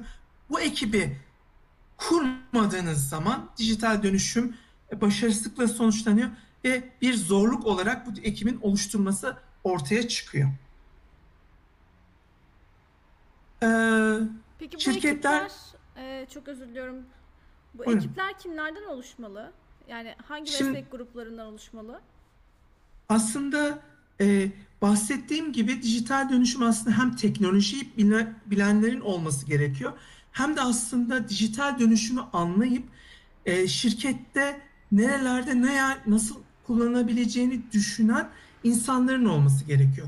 Dolayısıyla aslında e, e, hem teknoloji bilen elem, e, e, e, ekip üyeleri olacak. Bu IT ekibinden olabilir hı hı. ya da e, yeni e, bilgisayar mühendisliği gibi, e, endüstri mühendisliği gibi disiplinlerden olabilir. Onun yanı sıra süreçleri bilen, e, süreçlerin şirkette neler yaptığını bilen, e, ihtiyaçların neler olduğunu gözleyebilen, inovatif bakmayı sağlayabilen dinamik, yaratıcı kişilerden de olması gerekiyor. O yetkinliklere sahip olan kişilerden de olması gerekiyor. Aslında bir bu ekip e, çok güzel bir karışım. Hı hı. Teknoloji bilenler var, e, o teknolojiyi nasıl kullanılacağını bilenler var, şirketteki süreçleri bilenler var, e, şirkette neler getirebileceğini bilenler var aslında. Yani sonuçta dijital dönüşüme bakabilen, yenilikçi bakabilen, yaratıcı olduğuna inandığınız kişilerden kurulu. Zaman zaman bu çok genç, tecrübesiz kişiler de olabilir. Hı hı. Dijital şampiyonlar diyoruz biz onlara. Dijital dönüşümü alıp hemen ne yapabileceğini bulan kişiler de olabilir. Bu ekip dinamizm getiren bir ekip olması gerekiyor aslında. Anladım. Ee, bir yerde okumuştum bir kaynakta. Ee, hemen hemen her departmandan e, bir kişinin faydalı olabileceğini söylemişlerdi. Tabii. E, birazdan bahsedeceğim. Hı hı. Şirketinizdeki her alanda dijital dönüşüm projesi yapabilirsiniz. Üretimde yapabilirsiniz, tedarik zincirinde yapabilirsiniz, finansta yapabilirsiniz, ofislerinizde yapabilirsiniz. Şirketinizdeki her alan dijital dönüşüm projesi üretmek üzere adaydır. Böyle bakmanız lazım. E, finansta da çok güzel dijital dönüşüm projeleri yapabilirsiniz. E, tedarik zincirinizde de yapabilirsiniz. Saha ekiplerinizde de yapabilirsiniz. Pazar geliştirmede de yapabilirsiniz. Dolayısıyla e, her alan aday, bunun için aday. Dolayısıyla bu ekipte oralardan her birinin olması çok sizin o ekibinizin güçlü olması demek. Şöyle düşünülebilir. Ekip e, ana bir ekip olacaktır. Bu ekip dijital dönüşüm projelerini yönetecektir. Ama bu ekibin zaman zaman geçici üyeleri de olabilir. Her alandan almanız gerekir dijital dönüşüm için. Çok, Çok güzel bir noktaya e, altını çizdiniz. Çok teşekkür ederim. Buyurun lütfen. Ee, şirketler e, e, şöyle davranabiliyorlar. Bu da bir, bir zorluktur. E, içeriği anlamadan, getirisini anlamadan oluşturamadıkları için hemen de başlamak istedikleri için biraz önce bahsettiğim gibi aslında size robot teknolojisinin getireceği dijital dönüşüne getireceği bir katma değer yokken aslında sizin akıllı bir e, iş süreçleri dijital ortamda iş süreçlerini takip edebilecek bir dijital dönüşüm projesi sizin için çok daha fayda sağlayabilecek, kısa dönemde çok daha fazla getirisi olabilecekken anlamamanızdan, doğru alanları e, oluşturamamanızdan dolayı robot teknolojisine dön, e, kabul ettiğinizde aslında dijital dönüşümün size getirisini görememek ve bunu yapabilmem, ya, bunun doğru adımlar atabilmemek, at, atmamak da en önemli zorluklardan birisi. Dolayısıyla aslında dijital dönüşümü anlamakla ilgili ve teknolojileri anlamakla ilgili adımlar atmak çok önemli. Burada da aslında doğru kişilerle buluşmak çok daha önemli bir hale geliyor yanlış kararlar vermemek için. E, şirketler içerisinde bahsettiğim siloların varlığı da çok önemli bir zorluk. Yani değişime direnen, e, süreçlerini açmayan, entegre etmeyen, verilerini paylaşmayan yapılar aslında dijital dönüşüm açısından zorluklar. Bu e, şirketlerin dijital dönüşümde karşılaştığı en önemli problemlerden birisi değişime direnen e, süreç sahipleri, o süreçlerde çalışanlar, e, silolar, açmayanlar, kendi e, verilerini açmayıp kendi içinde kalmayı tercih eden yapılar dijital dönüşümde bir zorluk. Yetkinliklerin geliştirilememesi diğer bir zorluk. Yetkinlikler e, şunlar demek aslında dijital dönüşüm, dijital ortam yetkinlikleri. Siz şirketinizdeki karar vericilerinizi, şirkettekileriniz, çalışanlarınızı dijital teknolojileri kullanabilir. Oralarda dijital teknolojilerde e, neler yapabilir? Dijital teknolojilerden neler üretilebilir? Bunlar için yetkinliklerini geliştirmeniz lazım. Yetkin çünkü sizin en önemli değeriniz e, şirkette yaptığınız yatırımlar kadar çalışanlarınız. Çalışanlarınızın yetkinliklerini, dijital dönüşüm yetkinliklerini geliştirmeniz e, bu anlamda size dönüşüm projesi olarak çok önemli bir katkı sağlayacak, başarı sağlayacak. Bunu unutmamanız lazım. Dolayısıyla yetkinliklerin geliş, yet, dijital dönüşüm yetkinliklerinizi çalışanlarınızla birlikte geliştirmeniz en önemli. Burada da zorluklarla e, karşılaşıyor şirketler e, yetkinlik geliştirirken. Bir diğer zorluk çözüm sağlayıcı ekosistemle ulaşamamak. E, siz e, ihtiyacınızı biliyorsunuz ama kiminle çözeceğini bilmiyorsunuz. Bu da bir başka e, e, zorluk. Yetkinlikle sahip, çözüm üreten, çözüm sağlayacağına buluşmak önemli bir şey. Ve doğal olarak en önemli zorluklardan birisi de finansal güçler. E, genel olarak baktığınızda şirketler dijital dönüşümde bu tip zorluklarla karşılaşıyorlar ve bunları aşmaya doğru çaba sarf ediyorlar. Ee, şirketlerin önlerinde e, üç tane dijital dönüşümde alternatif olduğuna inanıyorum ben. E, çalışmalarımda da bunlardan bahsediyorum şirketlere. Dijital dönüşümde ana kulvar olarak üç tane kulvarınız var. Birincisi iş yapış şekillerinizde dijital dönüşüm. Yani şirketiniz içinde yaptığınız işleri daha iyi yapabilmek için dijital dönüşüme uğratabilirsiniz e, yapışlarınıza. İlk e, iş süreçlerinizde yapabilirsiniz. O süreçlerinizi daha iyi yapabilmek için dijital dönüşüm e, projeler oluşturabilirsiniz. Bu birinci alternatifiniz. İkinci alternatifiniz mevcut ürünlerinizde dijital dönüşüm. Bu da şu demek, e, ürettiğiniz ürünler var. Bu ürünlerinizi dijital dönüşümle e, buluşturarak ürünlerinizi akıllı hale getirebilirsiniz. Örnek vermek isterim. E, Caterpillar firmasını hepimiz biliyoruz. Caterpillar firması e, iş makineleri üreten donanım yani fiziksel ürün e, ortaya çıkartan bir firma. E, şöyle bir çalışma yapmış dijital dönüşüm çalışması olarak.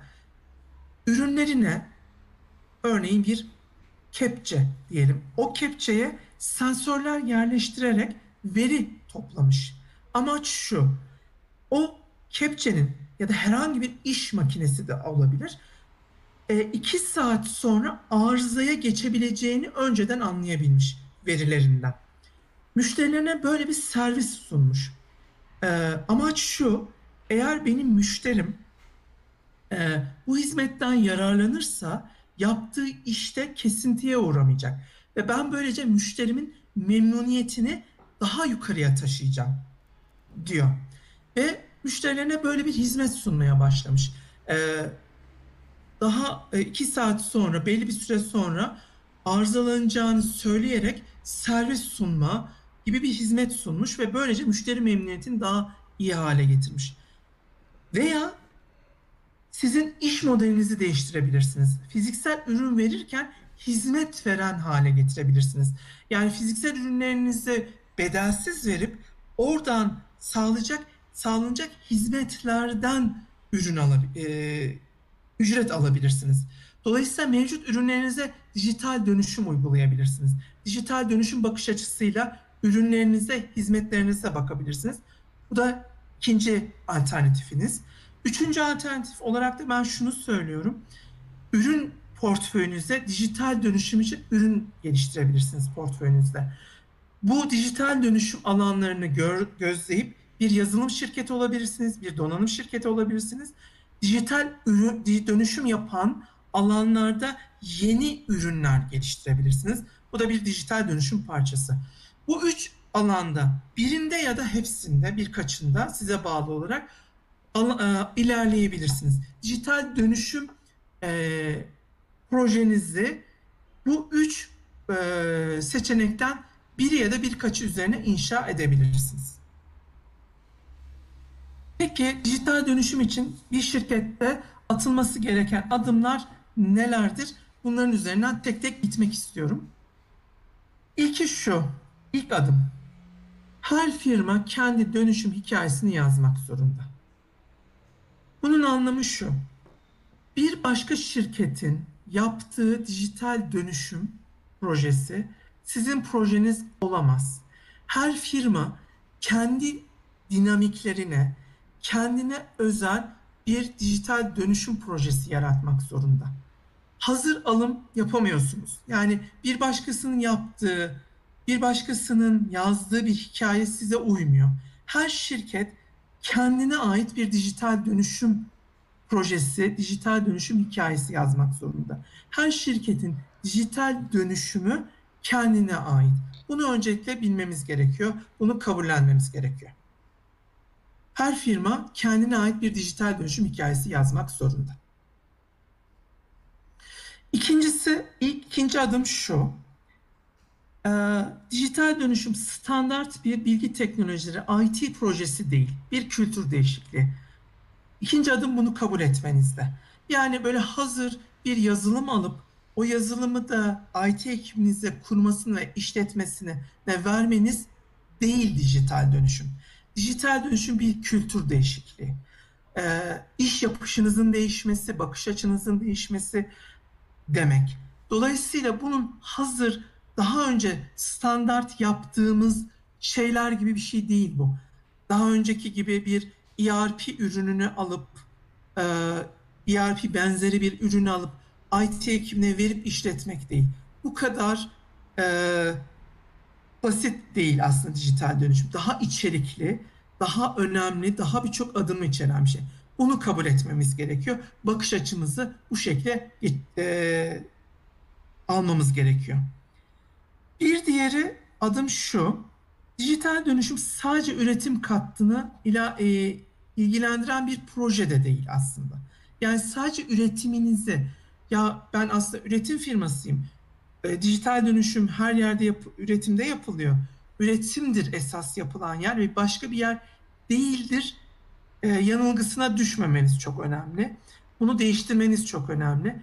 Firmanızdaki her disiplinin dijital dönüşüm, her disiplin dijital dönüşümü bir parçası. Her disiplinin yapabileceği bir proje var. Her disiplin dijital dönüşümde bir proje yapabilir ve size üretimde yapacağınız dijital dönüşümden çok daha hızlı geri dönüşü olan bir proje olabilir bu. Aslında size çok daha fazla getiri e, sağlayabilir. Onun için her alanınızın, firmanızdaki her disiplinin, her e, iş ailesinin, e, her sürecin dijital dönüşümde yer alabileceğini kabul etmeniz ve bu bakış açısıyla dijital dönüşüme bakmanız atacağınız üçüncü adım. Ee, şirketinize bir sponsor olmalı. Ee, ben gittiğimde soruyorum sponsorunuz kim? Ee, sponsoru olmayan, e, sizi desteklemeyen, destek olmayan dijital dönüşüm projeleri başarısızlıkla sonuçlanıyor. Dolayısıyla şirketinizde bir sponsor olmalı. Yönetim kurulunuz, karar üst karar vericileriniz bir sponsor olmalı. Bu sponsor e, sizi sonuna kadar desteklemeli. Dördüncü adım en önemli adımlardan birisi bahsettiğim o hatalardan, zorluklardan birisi onunla karşılaşmamanız için yapmanız gereken özellikle sponsorunuzun ve karar vericilerinizin dijital dönüşümün ne olduğunu öğrenmek zorunda. Çünkü şöyle hatalar yapılıyor. Dijital dönüşümü bir bir e, başka bir firmadan dinlenmiş olunuyor ya da bir makale okunmuş oluyor, bir haber okunmuş olunuyor. E, dijital dönüşümün aslında herkes farklı açıdan öğrenebiliyor. E, kimi zaman bu bilgiler eksik, daha da kötüsü yanlış olabiliyor. Dolayısıyla firmadaki karar vericiler hepsi birlikte dijital dönüşümün ne demek olduğunu öğrenmeli, tartışmalı ve ortak bir dilin konuşmasının sağlama, sağlanması lazım. Karar vericiler dijital dönüşümde çok önemli öğeler. Dolayısıyla karar vericiler herkesin ortak bir dijital dönüşüme bakış açısı ve dili olan olması lazım. Ee, bunu sağlamadığınız zaman ilerleyen e, süreçte herkes farklı açılardan anlayabildiği gibi farklı açılardan karar vermek gibi bir yanlışa doğru gidebiliyorsunuz. Dolayısıyla şirketteki ilk atacağınız adımlardan birisi özellikle karar vericilerinizin ilk başta dijital dönüşüm ne demek olduğunu öğrenmeli, beyin e, fırtınası yapmalı, tartışmalı, sorularına yanıt bulmalı ve ortak bir dil oluşturması sağlanmalı.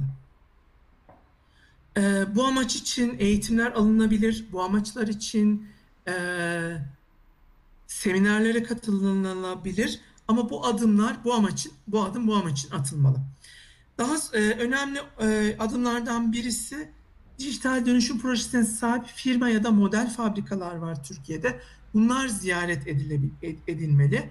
Onlarla konuşulmalı. Özellikle sizin kendi alanınızda dijital dönüşüm yapmış. Siz kimyada olabilirsiniz. Kimyada, kimya sektöründe dijital dönüşüm yapmış firmalarla buluşabilirsiniz. Ya da elektronik olabilirsiniz, başka alan olabilirsiniz. Dijital dönüşüm yapan firmalara mümkünse ziyaretlerde bulunun. Model fabrikalarda ziyaretlerde bulunun. Bu sizin bilgilerinizi artırmanız için çok önemli bir adım. Daha da önemlisi aslında çıkar, onların çıkarılmış dersleri dinlemeniz, dinlemeniz ve onlardan çıkarılmış derslerden bilgi almanız adına çok önemli. Çünkü onlar bu yolculukta birçok şey yaşamışlardır. O yaşanmışlıklarını sizinle paylaştıklarınızda sizin daha doğru adımlar, daha hızlı adımlar atmanıza neden olacak. Onun için mümkünse dijital dönüşümü yapan firmalarla ziyaretlerde bulunmanız ve onlardan bilgi almanız çok önemli. Türkiye'de birçok ilde modern fabrika kurulmaya başlandı. Yurt dışında da var. Onları da ziyaret etmeniz sizin dijital dönüşümün ne olduğunu anlamanız açısından çok önemli. Ee, burada bir şey sorabilir miyim size Alper Bey? Buyurun lütfen. Şimdi e, her şirket için dijital dönüşüm eşsiz olmalı. E, ben buradan bunu anlıyorum. Peki e, belirli bir kaynak, bir ölçüm var mı bununla ilgili? E, hani emsallerini takip etmek dışında, yani uluslararası belki. Ee, aslında biraz sonra da bahsedeceğim. Burada da yeri gelmişken sorunuzu yanıtlamak için bahsedeyim. Hı hı. Aslında e, dijital dönüşüm için e, firmalar şu adım atıyorlar. E, dijital dönüşümde kendi güçlü alanları de kendilerini değerlendiriyorlar. Buna biz dijital olgunluk, dijital dönüşüm olgunluk seviyesi diyoruz genel olarak. E, bunu bunu ölçüyorlar. Mevcut durumlarında ne durumda dijital dönüşüm açısından şirketleri ne durumda onu ölçü, ölçümlendiriyorlar. Birçok model var. Bunu sağlayan birçok kuruluş var aslında. Ee, Türkiye'de de var e, bunları yapan bir araç isim vermek istemiyorum hı hı. ama hani araştırdıklarını bulurlar. Modeller var kendilerine ait geliştirdikleri modeller. Modellerin amacı mevcut durumlarını belli parametrelere göre analiz etmek ve seviyelerini ortaya koymak. Ee, başladıktan sonra her yıl aynı ölçümü tekrarlayabiliyor firmalar. Hı hı. Gelişimi görebilmek için. Ee, çünkü e, e, bahsettiğim bir tek bir ölçü, ölçü e, tek bir alan yok. Birçok alan var. E, her alanda ne kadar ilerlediklerini, amaçladıkları seviyeyi ve geldikleri seviyeyi bu metodolojilerle görebilirler. Türkiye'de de birçok firma e, var bunu yapan. Modelleri olan firmalar var. E, basit olanlar, ücretsiz olanlar olduğu gibi daha derinlemesine ve ücretle yapılan e, kısımlar var.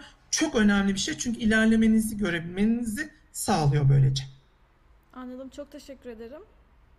Rica ederim. Ee, adım adım ilerliyoruz şirketimizdeki dijital dönüşüm açısından.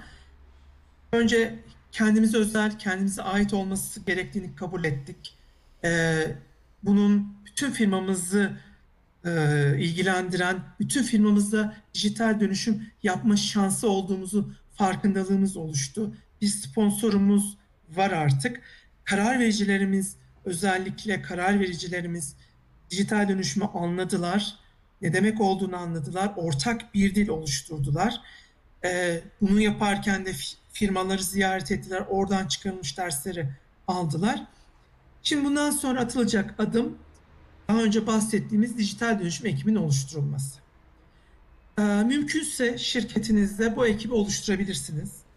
Bu ekibiniz çünkü dijital dönüşüm projelerini bir bütün halinde e, yönetecekler. Yapılan en önemli hatalardan birisi şu, e, her birim, her süreç birbirinden bağımsız dijital dönüşüm projesi oluşturabilir. Örneğin üretim oluşturabilir kendi içerisinde, finans oluşturabilir. Ama bunlar bir ortak çalışmayla yapılmazsa sizin o ileride sağlayacağınız bütüne hizmet veremeyebilir. Dolayısıyla firmanızda oluşacak bu bütün dijital dönüşüm projelerini ortak bakış açısıyla, birbirleriyle bir bütün yapıyla, birbirleriyle bütünleşeceğini düşünerek, doğru zamanda doğru gereksinimlerle doğru çözümlerin bulmasını sağlayabilmek için mümkünse firmanızda bir ekibinizin dijital dönüşümü yönetmesi lazım bu süreç içerisinde. Ee, onun için bir dijital dönüşüm ekibinizin oluşması en önemli. Ekibin nasıl olması gerektiğini daha önce bahsettik.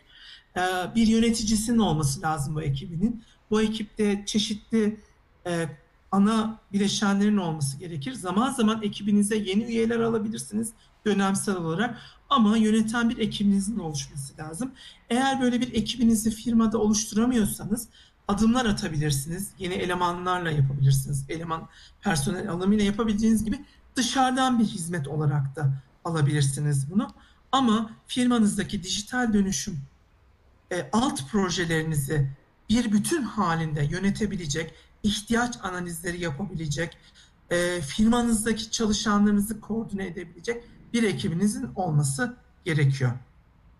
Bu ekibiniz sponsorlarını, sponsorunuzla da iletişim halinde olacak. Ona raporlayacak.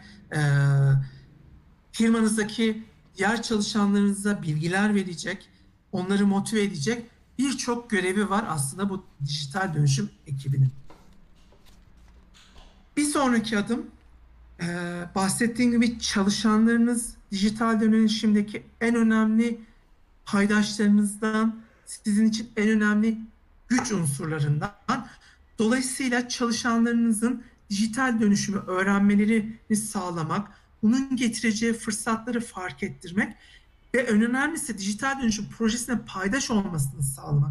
Ondan da fikirler alabilmesi, yaratıcı fikirler gelmesini sağlamak için çalışanlarınızı dijital dönüşüm konusunda eğitmeli, onlara seminerler vermeli ve bir paydaş yapmayı sağlamanız gerekiyor. Bir e, önemli adımlardan birisi de bu. E, çok güzel ekip oluşturduk, diğerlerini yaptık. Çalışanlarımız dijital dönüşüm hakkında e, eğitimler aldı ki bu eğitimler süreklilik sağlaması gerekiyor. Yeni çalışanlarınızın da eğitim alması gerekiyor, onun da atlanmaması gerekiyor. Şu an bundan sonra ne yapacağız? Bundan sonra yapmanız gereken en önemli adım, e, atlanmaması gereken en önemli adım mevcut durumunuzu ve sahip olduğunuz yetkinliklerinizi dijital dönüşüm bakış açısıyla değerlendirmeniz. Ben neredeyim? Hangi yetkinliklere sahibim? Hangilerinde güçlüyüm? Neleri geliştirmem gerekiyor? Fırsatlarım nerede?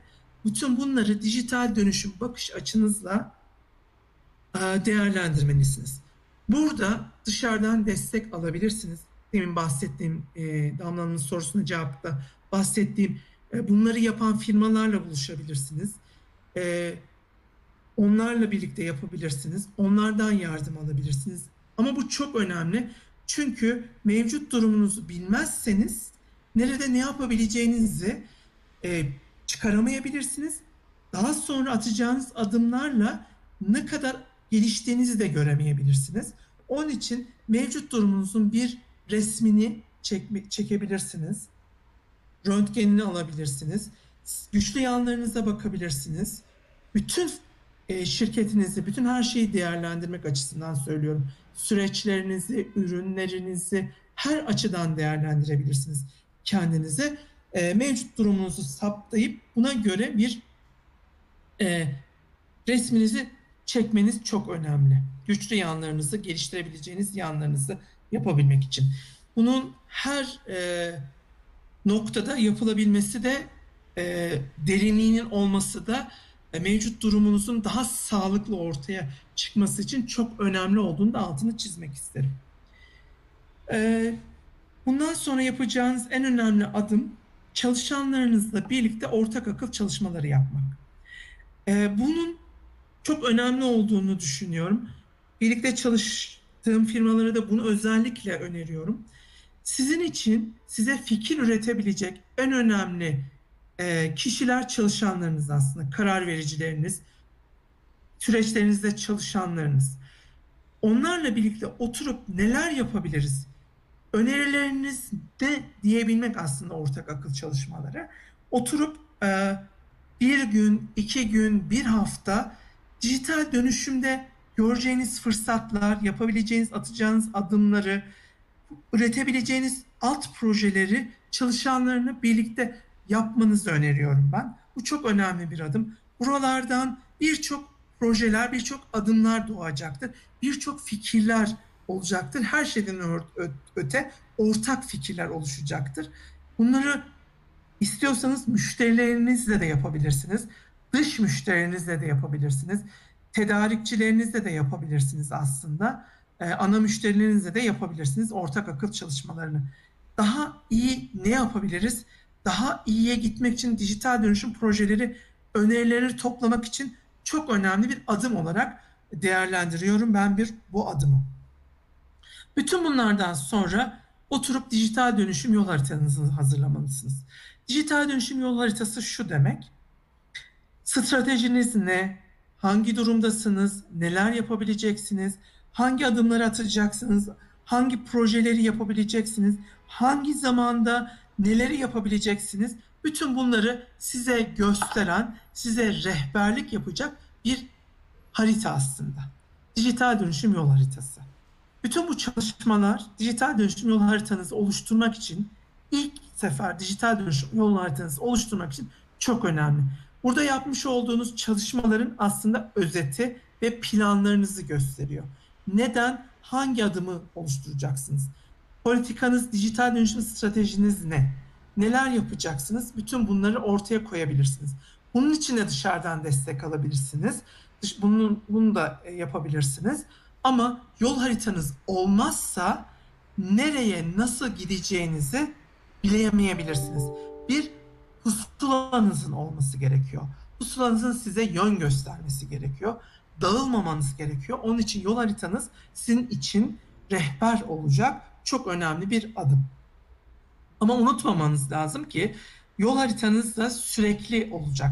Güncel tutmanız gerekiyor. Çıkarttığınız dersleri oraya koymanız, belki revize etmeniz, yeni teknolojiyle çıkarılmış derslerle revize etmeniz gerekiyor. Sürekli güncel tutmanız gerektiğini de unutmamanız lazım. Bu sorumluluk da aslında dijital dönüşüm ekibinizin sorumluluğunda. Bütün bunları yaptınız, yol haritanızı hazırladınız. İlk yapacağınız artık her şey hazır. Bundan sonrası eyleme geçmeniz. Bir proje ile başlamanız aslında. Projelerinizi oluşturdunuz, alternatifleri oluşturdunuz. Artık canlı bir projeye geçmeniz lazım. Birçok proje oluşmuş olabilir birçok atacağınız adım olabilir. Önemli olan şu bir pilot projeyle başlamanız. Çünkü pilot proje size e, kas geliştirmenizi, e, nasıl e, nasıl adımlar atmanızı göre, gerektirecek çok önemli bir şey. Mümkünse size getirisi en hızlı olacak, maliyet etkin olacak bir pilot projeyle başlamanız, e, yetkinliklerini geliştir, yetkinliklerinizi geliştirmeniz, ondan sonra diğer projelere başlamanız çok önemli. Bir ya da iki projeyle başlamak, pilot projeyle başlamak, e, dijital dönüşüm yetkinliklerinizi geliştirmek çok önemli. E, bundan sonrası aslında süreklilik gerektiren bir şey. Çalışanlarınızın farkındalıklarını ve yetkinliklerini arttırmanız lazım. Bu kültürünüzü oluşturmanız lazım. Veri odaklı bir şirket olma kültürünü oluşturmanız için adımlarınızı atmanız lazım. Çünkü veri toplayacaksınız, veri odaklı olacaksınız. Buna inanmanız, bunun için çaba sarf etmeniz gerekiyor. Bu kültür değişikliği için gerekli çalışmaları yapmanız lazım. İnovasyon kültürünü yaratmanız lazım. Çalışanlarınızdan, dış müşterilerinizden yenilikçi fikirler toplamanız lazım. Bu dijital dönüşüm için atacağınız en önemli adımlardan birisi. Sürekli teknolojileri takip edeceksiniz. Süreklilik var. E, bunların yanı sıra şunu şu çok önemli bir adım. Şunu kabul ederek başlamalısınız. Denemekten yorulmayacaksınız. Hata yapmaktan yılmayacaksınız. Çünkü belki bir teknolojinin size düşündüğünüz, size bir fayda sağlayacak düşündüğünüz ya da bir yeni bir gelişme, geliştirme projesi yaptınız size özel. Belki hatalı olacak, belki istediğiniz performansa ulaşmayacak ama yılmayacaksınız. Yeni yeni denemeler yapacaksınız. Çünkü bahsettiğim gibi dijital dönüşüm yenilikçilik demek aslında. Yenilikçilik de denemek demek, hata yapmak demek. Ama bir sonrakini daha başarılı yapabilmek demek. Ee, onun için bu sizin e, kabullenmeniz gereken önemli şeylerden biri. Yorulmayacaksınız, yılmayacaksınız. Ee, söylemek istediğim en son şey dijital dönüşümde, en önemli adımlardan birisi bu. Dijital dönüşüm tek bir proje değil, tek bir adım değil. Dijital dönüşüm çok uzun soluklu bir yolculuk. Bir yıl, iki yıl, üç yıl gibi bir aşama değil. Siz dijital dönüşüme başladığınızda bu uzun soluklu bir yolculuk. Bunu unutmayacaksınız. Atacağınız birçok adım olacak. Yeni yeni adımlarla karşılaşacaksınız.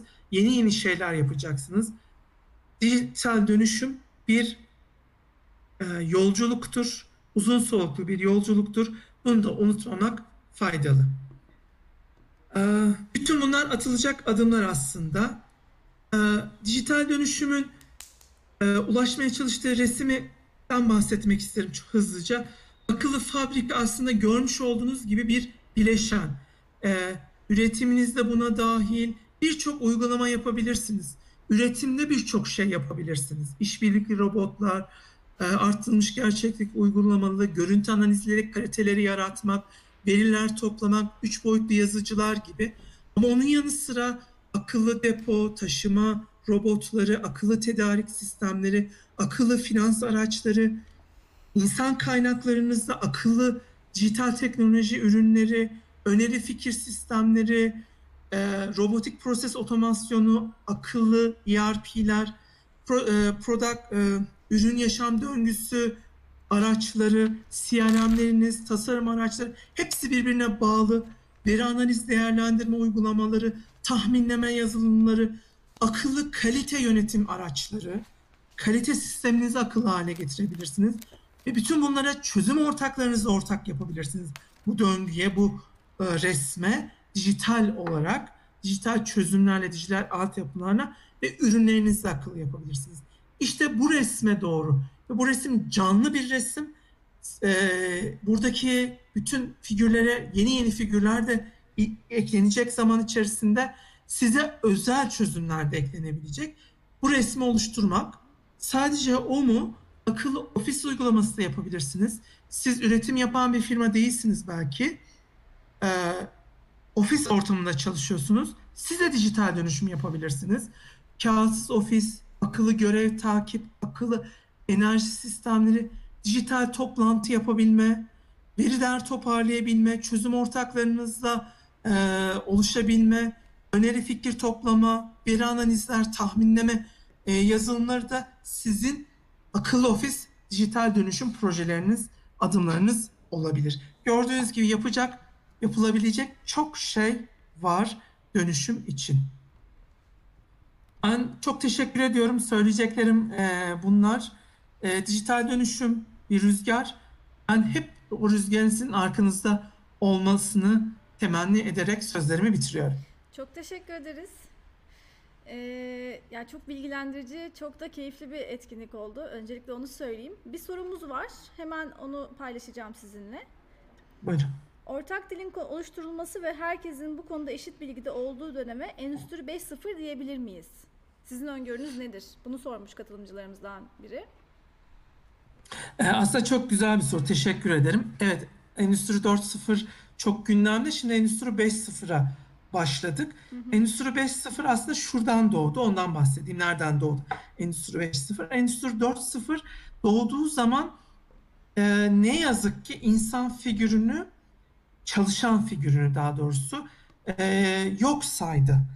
Tamamen her şeyin teknolojiyle, insan öğesinin çok az olduğu e, bir yere taşımaya çalıştı. Hatta çıkış mottoları da e, karanlık fabrikalar diye bir mottoyla çıktılar.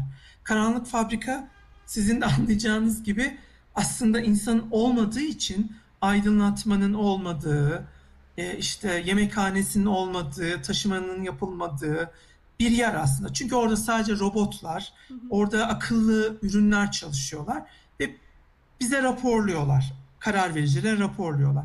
7-24 saat çalışıyorlar. Ama şunu gördüler.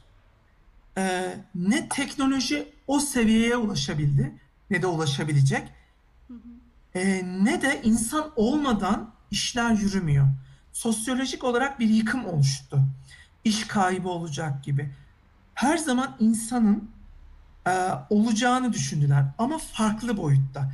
Yani niteliksiz işler tabii ki robotlar, tabii ki akıllı uygulamalar için olacak. Ne olursanız olun, yaptığınız işte unutmayın niteliksiz dediğimiz yani tekrarlanabilen şeyler var. Yani onlar aslında akıllı uygulamalarla yapılacak. Mesela mesaj gönderme gibi ya da bir raporun formatlanması gibi ya da vida sıkmak gibi. Ee, tekrarlanabilen kurallara bağlı işleri evet bırakacağız. Ama bizler daha nitelikli işlere döneceğiz. Şimdi bu şu demek oluyor artık. Teknolojiyle insan öğesi el ele hareket edecek, birlikte hareket edecek oldu. İşte Endüstri 4.0 ve 5.0 da buna doğru gidiyor. Endüstri 5.0 şunu söylüyor. Artık ben sadece teknoloji varlığı yok. Teknolojiyle insan birlikte hareket edecek. İnsan da olacak diyor aslında. E, 5.0 buradan çıkıyor.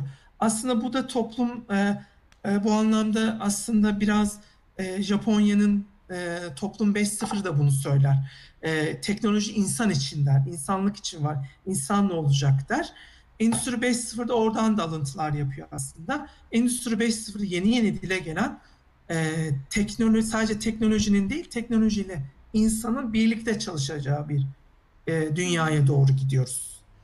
Peki tahmin E, olarak yıl yani ne kadar sonra Endüstri 5.0'a geçiş yapabiliriz? Siz ne öngörüyorsunuz daha doğrusu? Tabii ki çok şu anda hani başındayız. Endüstri 4.0'ın bile başındayız. Evet aslında baktığınızda Türkiye olarak da yapılan araştırmalar e, 2.6, 2.7 belki 2.8'e çıkmışızdır. Teknoloji devrimlerinde o seviyede olduğumuzu gösteriyor. Ama çok çaba sarf ediyoruz. Yani e, devlet destekleri inanılmaz, farkındalıklar inanılmaz.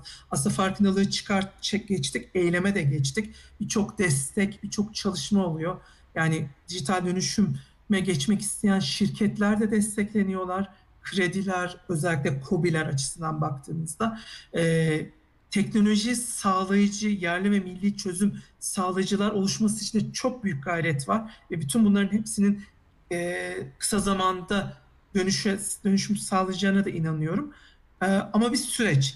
E, şimdi aslında Endüstri 4.0'a bence geç, e, Endüstri Endüstri 4.0 biraz Endüstri 5.0'ı söyleminin sertliğinden ve kabul edilmemesinden dolayı çıkarttığını düşünüyorum. Endüstri 5.0'ın. Ama ben onun daha çok e, daha ileride yapılabileceğine inanıyorum. Ama bir taraftan da baktığımızda biz e, pandemi öncesinde dijital dönüşümü anlatırken e, bunun gerçekleştirmesi için böyle işte 5 yıl, 10 yıl sonrasında olacağını düşünürken pandemi birçok şeyi hızlandırdı e, geçişi. E, bu anlamda belki Endüstri 5.0'da daha hızlı gelebilecektir ama bence biz henüz Endüstri 4.0'da odaklanmalıyız ve bunu sağlamalıyız Çok teşekkür ediyorum değerli bilgileriniz için. Tek ben değil, katılımcılarımız da e, yorum kısmında belirtiyorlar teşekkürlerini bu arada. Onları da ileteyim size. Rica ederim. Ben teşekkür ederim davetiniz için. Benim için çok e, özel ve çok anlamlı oldu. Umarım faydalı bilgiler verebilmişimdir. E, sanırım bir ikincisini daha gerçekleştireceğiz. Öncelikle onu belirteyim. Eğer sizin Aa, müsaitliğiniz Tabii ki. olursa. Ben sizi Seve bir seve. defa daha davet edeceğim. E, buradan da hani söz gibi almış olayım. Büyük bir memnuniyetle. Çok teşekkür ediyorum tekrar katılımınız için. E, Ben teşekkür Şu an ederim. benim ekranımda bir soru gözükmüyor. Sanırım etkinlik arasında da sorduğumuz için e, gayet keyifli oldu. Katılımcılarımız Hı hı. e, de dahil oldular. E, şöyle ki e, hani şu anda bir e, soru tekrar bakayım. Görünmüyor. Katkılarınızdan dolayı bir kere daha çok teşekkür ediyorum. E, başka Rica bir ederim. etkinlikte görüşmek üzere. Görüşmek üzere. Herkese iyi günler diliyorum. Sağlıklı günler diliyorum. İyi günler. Ee, benim bir duyurum olacak. Akademi 4.0'da yazar olmak ya da konuşmacı olmak için akademi40.org'u ziyaret edebilirsiniz. Ya da info adresimize mail atabilirsiniz. Biz e, size hızlıca geri dönüş sağlayacağız. Diğer katılımcılarımıza da bunu da belirtmek isterim. İyi akşamlar diliyorum. Hoşçakalın.